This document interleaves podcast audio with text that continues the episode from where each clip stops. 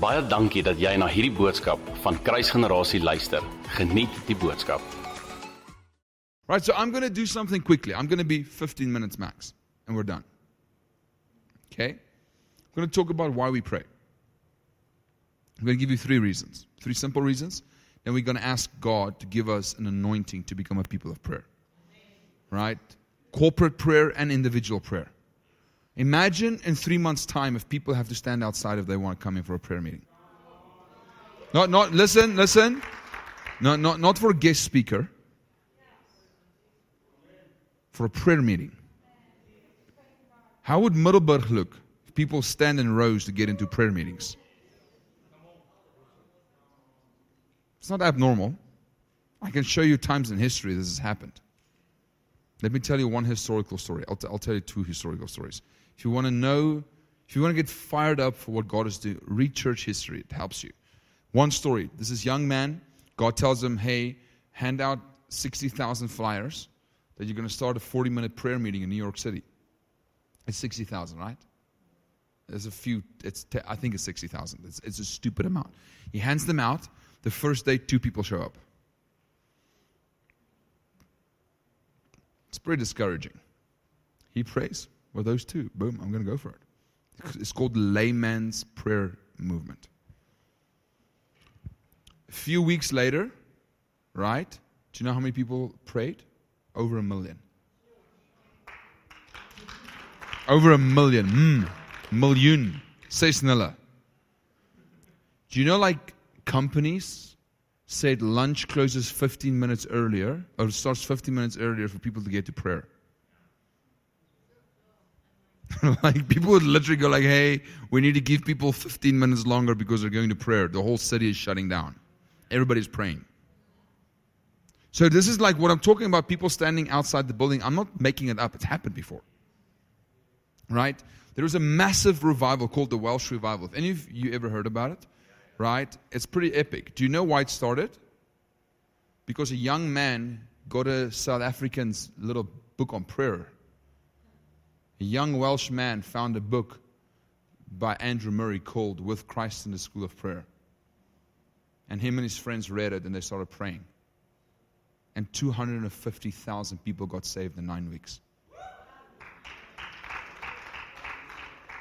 Prayer is not a good idea, it's God's idea. Okay, so here's three reasons why we pray. Reason number one we pray because Jesus prayed. We read in the Gospels 25 times that Jesus prayed. Or he talks about prayer, right? That combination. Do you know that Jesus prayed and talked about prayer more than he talked about love? So why do we talk so much about love in the church and not about prayer? Maybe prayer is how you get to the love. And if we have the order right, we'll have more of the other one. Right? It's important we hear this. Jesus prayed so much. Every single time he makes a big decision, Jesus went away to pray. Do you know how he chose the 12? He prayed through the night. He didn't go like, hey, I see your giftings, I see the mix, let's put it together, that could work. No, he prayed through the night before he made the decision. Right? So that's the first point. We pray because Jesus prayed. It's pretty simple. Okay? The second point, it's one of my favorites, is this. Imagine you're traveling with Jesus in those three years. A dead person can't hang out around him, right? If you're dead around Jesus, you'll come alive. Okay? Jesus had to clarify Lazarus, wake up, because if Jesus said, wake up in that moment, every dead person in the universe would have woken up. Like that's who you hung out with for three years. Okay? If you're sick around Jesus, you're healed. Right? If you can just push through a crowd, you don't even have to ask him. If you can touch him, you'll get well. It's pretty impressive, right? You know, like Jesus' disciples never asked him, How do we heal the sick? You know, they never asked him how to preach, they never asked him how to gather a crowd. There is something so profound about the prayer life of Jesus that the only thing his disciples asked him to teach them is how do we pray? You know, like some of you will never be called to be a preacher. Some of you will never be a capital E like the office of an evangelist, evangelist. Some of you will never lead hundreds of people to Jesus. But all of you are required and called to pray. Nobody is excluded from the call to prayer. That's what makes it so powerful, so we all can do it. It's not built on a gifting, it's built on God's availability. Right? And it says, boldly approach the throne of grace, Hebrews. When? When you feel good? Uh uh When? Can somebody tell me? In your time of need. So you might obtain mercy and grace. You know that time of need means when you're weak? When you're weak and you don't feel spiritual, draw near to God because He will give you what you need. Who here has ever felt weak and not spiritual? Who in that moment wants to run to God? I don't usually, honestly. Usually I want to hide. It's like, like the, the, the Adam thing to do. I'm in trouble, I'm going to hide. And God's like, no, no, no, if you're born again, if you're in trouble, run to me. It's the difference between me and Adam. Adam hid, I can run too. That's what prayer does. It, it, it positions your heart in a place to receive from the Lord. The third thing why we pray, so First, reason we pray, I'm making this so simple so you can remember it, tell it to your children, tell it to your friends, tell it to your friends' friends. So you don't need to understand theology to be able to say what I'm saying. First reason, why do we pray? Let me hear it again. Why do we pray? Okay, why is the second reason we prayed? Okay. Second reason we pray is because the disciples prayed. Simple. Who's a disciple here? Okay, if you're a disciple, it means you pray. Right? We need to be with Jesus in the school of prayer. He needs to school us, teach us how to pray. That's a great question to ask Jesus. That is a great prayer to ask Him. Lord, I'm asking you, teach me to pray. I'm praying, and in my prayer, I'm asking you, teach me how to pray. Right? Because I'm weak. I don't know how to pray. You know, like you will never master prayer. Prayer masters you. Like if somebody tells you that a prayer expert, they're lying. Nobody's a prayer expert. Because if you're a prayer expert, you're saying you're a God expert. Nobody is a God expert. Everybody is a God novice. Because you will never master God. You can spend all, you can spend a hundred thousand years studying prayer, which means you're studying God, and it's obvious a mossy what Mount Everest crop. You'll never get to the end of it. That's why people quit praying because they can never master it. They quit it because they want to stay in control. Prayer is the place where my will gets bent to the will of God. Jesus did not defeat Calvary, the cross on Calvary. Jesus defeated the cross in Gethsemane. Jesus didn't hang on that tree and say, I'm not going to get down. He said, Your will be done, not mine, in prayer. A lot of times we think we're going to defeat our temptation by saying no in the moment, when the way that we actually do it is being defeated by God in the place of prayer. Prayerlessness equals pride. You cannot be humble and prayerless. It's impossible. If you don't pray, you're prideful. It reveals your lack of understanding of your need of God. Who here has ever had a little bit of a financial knape? Can I see a raise of hands? Okay? Now, now I want to ask you a, very honest, real question. Okay? Who here in that specific time frame of your life had a great prayer time? Can I just see a raise of hands, right? When you're in financial trouble, your prayer time just goes to another universe, right? It's like something happens. There's a fire burning on the inside. Like, no, no, no, it's burning in your, in your wallet. That's not your heart, right? But then your need produces enough humility to go to God. But prayer is how we constantly position ourselves to go like, I need God.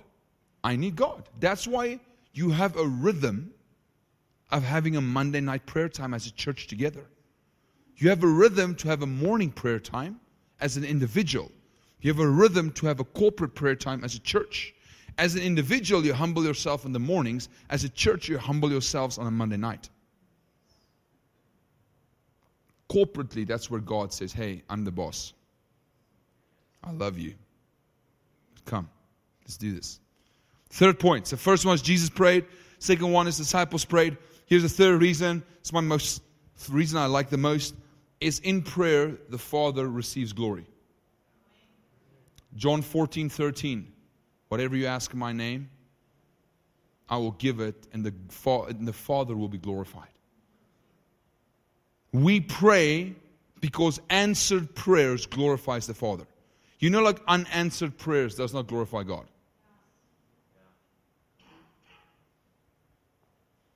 You should think through what I just said. Because you'll stop saying, Us the Here. You know, there's false humility. All right? You're just saying it because you're afraid you're going to be disappointed. if we're praying for somebody's salvation, it's not us the wil He wishes that all will get saved. So I'm praying for that because you know what? When Sunny gives her life to Jesus, I'm not glorified. The Father is glorified. Right? There's 627 prayers in the Bible, and there's 429 answered ones. There's 429 or 28. I'm not exactly sure on that number. You can Google it. It's on Google. Right? Moments when the Father is glorified.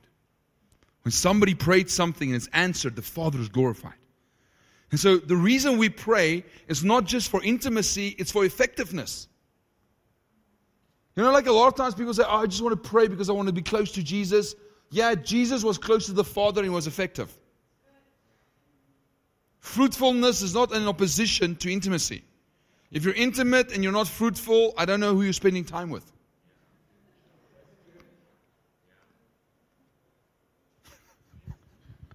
Sorry, that was baie geweest. Retract that.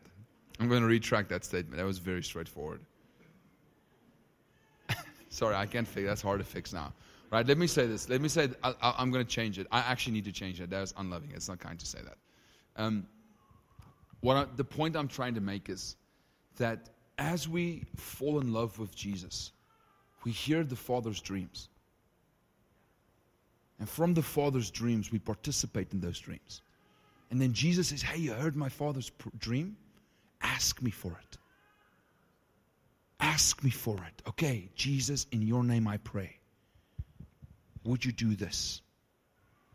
Wat wat het die oom? Father, Jesus, the Father's dream is that racial boundaries will be erased. So, die oom tyd saam met Jesus spandeer. He heard the dream of the Father's heart. And he says, Father, in the name of Jesus, would you give that? You know, like the Father is glorified in fruit, not just in intimacy. The intimacy leads to fruit. And so, this evening, as I'm ending off these three days that we have together here, I, I want to end it off by saying that I believe that what God is starting here is a beautiful thing. What God is doing here is amazing. But if you do not turn it to the place of prayer, it will only rest upon the shoulders of a personality.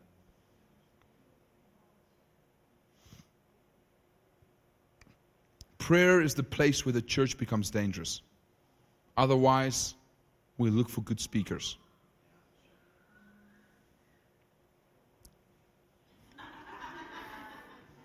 I know speaking is my job, so I'm talking like that's what I do. But I say this because that's not all I did.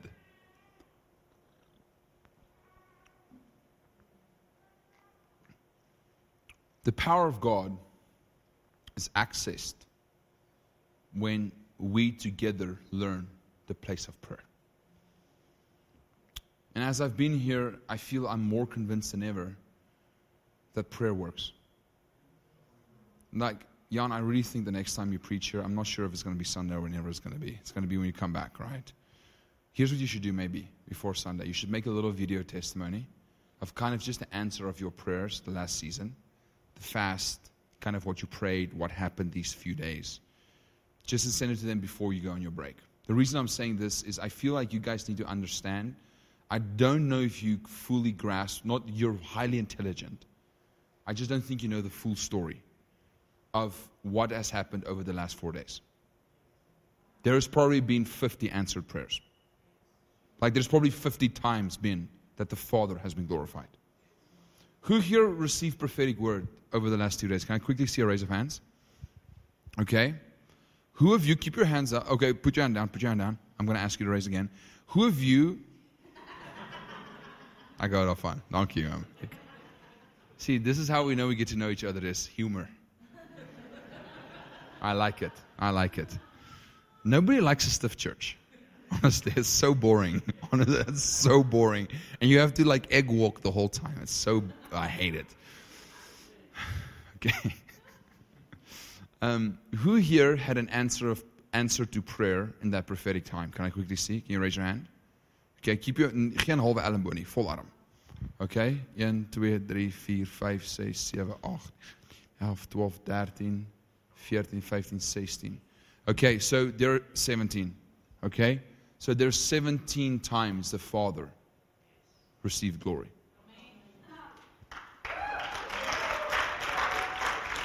Okay? Boom. Simple. But not. Right? If, if, if you guys would understand the gravity of what has shifted in the last four days, you would understand the beautiful story you're in. Julle is in dit. Dis julle storie.